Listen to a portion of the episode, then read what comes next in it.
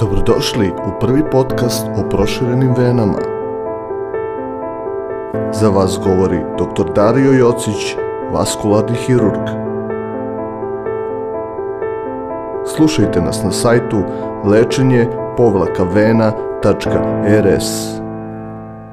Vaš i naš sagovornik na temu proširenih vena je dr. Dario Jocić, vaskularni hirurg iz Centra za savremeno lečenje vena i na samom početku bih vas pozvala da sve vaše dileme, sugestije, pitanja, predloge šaljete na podcast at drsrednjacrtajocić.rs.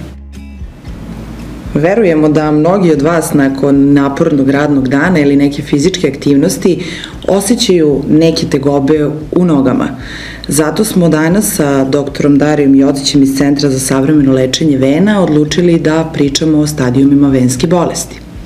Da, kako da znate da li imate problem sa venama, a, kako da znate da li je taj umor koji osjećate u nogama samo umor ili je početak neke venske bolesti i sve drugo što bi moglo da vas zanima, nadamo se da ćemo danas otkriti zajedno sa doktorom Darijom Jocićem. A ukoliko imate dodatna pitanja ili sugestije, možete nam poslati na podcast at lečenje vena.rs. Doktor Jociću, dobar dan. Dobar dan. Dobar dan. A, danas ćemo razgovarati o različitim stadijumima venskih bolesti, ali hajde na samom početku da objasnimo šta su to zapravo proširene vene i kakva se promena dešava u telu pacijenata. Pa pre svega da kažem da um, većina pacijenata koji se upućuje vaskularnom hirurgu se upućuje za proširenih vena. 70% pacijenata se upućuje zbog problema sa venama u principu, a tih 70%, 95% ima problem sa proširenim Proširene vene nastaju najčešće zbog uh, nekih problema koje nastaju u površinskom venskom sistemu. Zadatak površinskog venskog sistema je da prikuplja krv iz kože i, i mišića, da, ta, i upu, da upućuje tu krv prema dubokim venama i da se ta krv dalje vraća prema srcu. Znači, kad stojimo, da ta krv ide uzbrdo. Međutim, kada postoji taj problem, dolazi do pogrešnog toka kretanja krvi, to jest e, kada stojimo, ta krv ide nizbrdo, to jest krv se vraća iz dubokih vena u površinske vene. Zato nam se o, ti čvorovi pojavljuju i te vene šire na nogama, zato što se ta venska krv nakuplja e,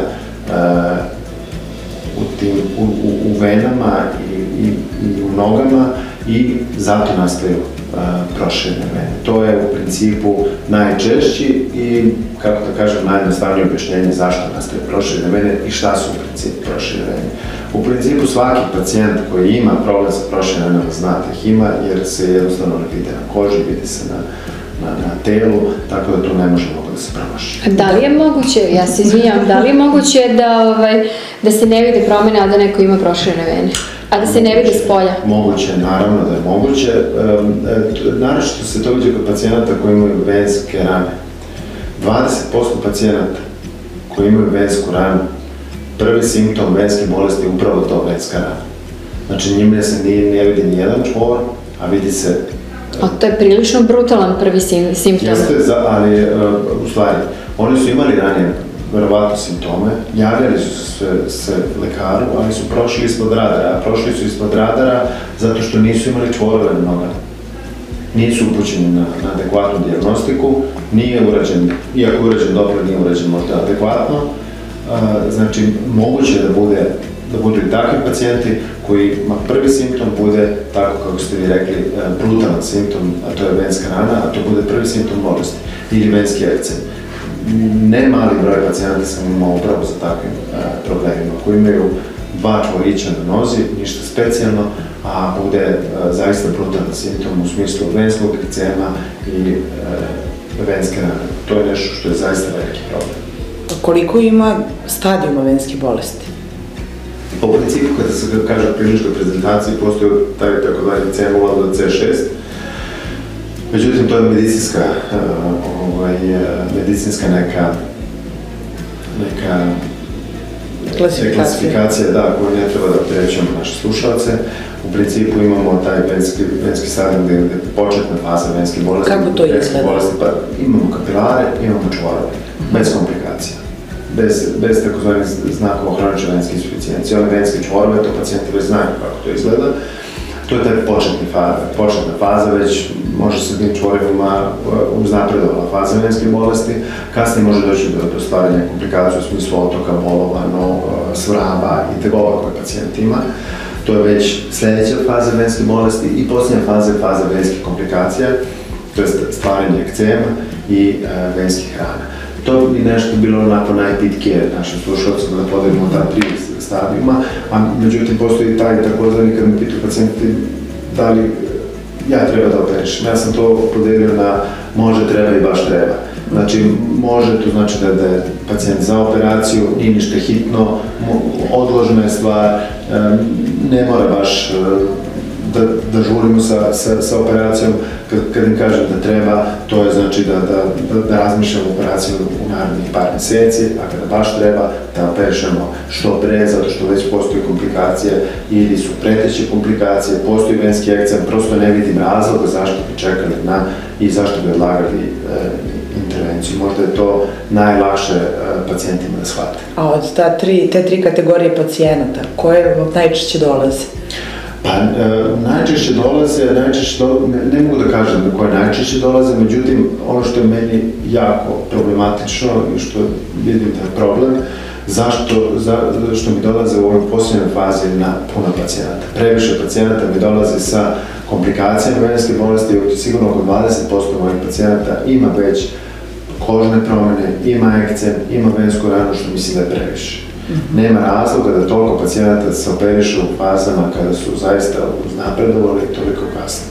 E, e, ne kažem da za njih nema pomoći, naprotiv, ovaj, puno im se može pomoći i kada imaju vensku ranu i kada imaju venski ekcem, zaista su ovaj, rezultati tu spektakularni, ne samo što ja to kažem, nego što pokazuju i svetske studije, da, ti, da te pacijente upravo treba operisati, čak i uznapredovale, čak i pacijente koji su imali duboku vensku trombozu i koji imaju problem sa dubokim venama, a imaju problem sa površnim venama i njih treba operisati, znači tu se, tu se dosta promenilo u, u shvatanjima ovaj, u svetu e, za te pacijente, tako da, da to zaista treba, ovaj, e, znači postoji u svim su fazama, ali za moj ukus previše ima u toj poslednjoj fazi venske bolesti.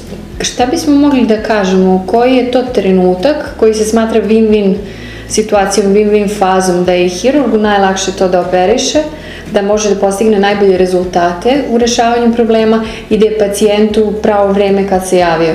Koji je to taj, koji je taj trenutak? Šta je hirurgu lakše, to nije pitanje. Znači, to, to je pitanje veštine, pitanje iskustva, pitanje, ovaj, to zaista nije pitanje i ne treba da bude, znači čovjek treba da se lati ono što, što može da obuhvati, što može da uradi, ne, ne, ni više ni manje. A za pacijente, naj, ne, ali postoje, znači, postoji indikacija za operaciju i da li se nešto treba operisati ili ne treba operisati. Znači, kada pacijent ima proširene vene i ima problem venski koji bi se otklanja hirurgijom, može da se uradi laserska operacija vene ili bilo koji minimalni invazivni metod, to treba da se radi. Znači, nema e, koristi od odlaganja rešavanja problema, nema koristi od e, čekanja ne znam čega, od e, mazanja, prosto ne, ne postoji razlog da se to radi. Drugo, sve svetske studije su pokazane i svi svetski vodiči insistiraju da pacijent kada ima prošle vene, ima problem, predlaže se interventno lečenje. Znači, ne, piše parafraza, skoro citat, ne, ne predlagati pacijentima koji imaju venski problem, koji može da se operiše, nošenje elastičnih čarapa kao prvu meru lečenja. Čarape i takve neke metode su poslednje utočište. Ako ne može ništa drugo, onda se to radi ali gotovo uvek može nešto da se pomogne pacijentu. Gotovo uvek ima nekog rešenja da se bar, bar poboljša a, stanje. Ako baš i ne može ništa, onda se predlažu, predlaže nošenje lasernih čaraka. Znači, prva mera lečenja je faktički operacija. operacija. Apsolutno. E, ja često kažem da kad bi za svaku bolest postojala operacija, to bi bilo super. Kad bi imali operaciju recimo za dobro, možda sam malo avangardan, ali za povišen krvni pritisak to bi bilo super. Jer bi uradili jednu minimalnu invazivnu proceduru i ne bi nikad više bili lekove za povišen krvni pritisak. Možda je to malo ovaj, previše, ali zaista, a kad već imamo minimalnu invazivnu proceduru koja traje pola sata, a nudimo rešenje problema, mislim da je to, da, da se odgovor sam nameće.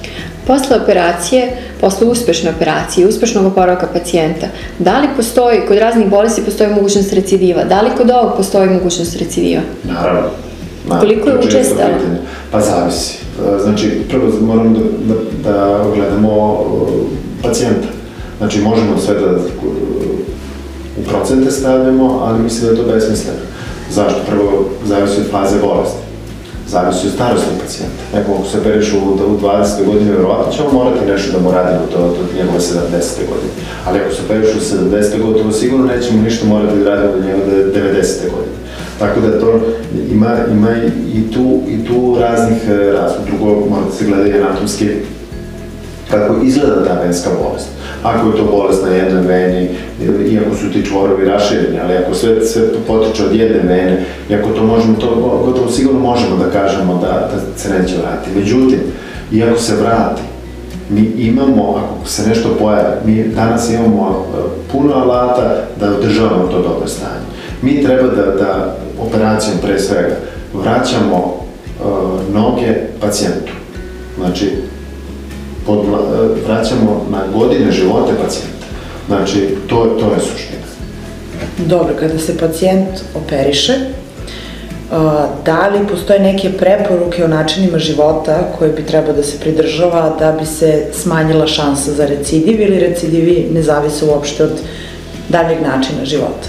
Zavise, naravno, da preporuke zdravog života važe i za naše vene. Znači, fizička aktivnost, gojaznost je problem, znači fizička neaktivnost i gojaznost je svako problem. Ima još tu neke stvari, ali to je osnovno. Osnovno, pre svega gojaznost. A da li su, da kažem, ti svi faktori koji ste nabrali doveli do proširenih vena ili ne? Dovode do prezentacije, ali pre svega je genetski tu faktor je najveći i naj, najbitniji. Tako da tu ne može da se kaže baš da, da te životne navike imaju toliko, toliko efekata.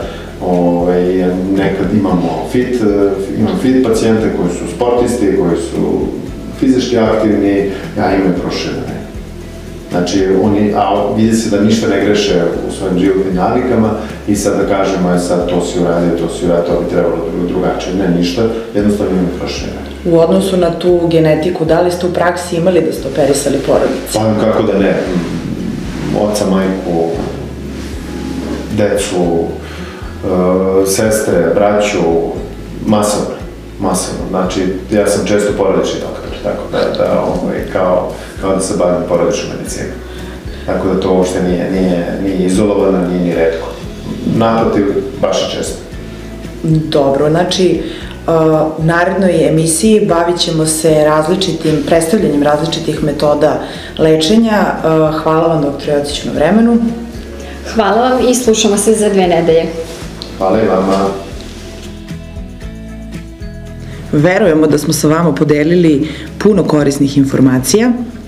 Ali ukoliko smo nešto propustili da kažemo, molimo vas da nam sve svoje sugestije, ali i pitanja e, i sve što biste htjeli da istražimo za vas šaljete na podcast at lečenje srednja crta vena.rs Čujemo se za dve nedelje.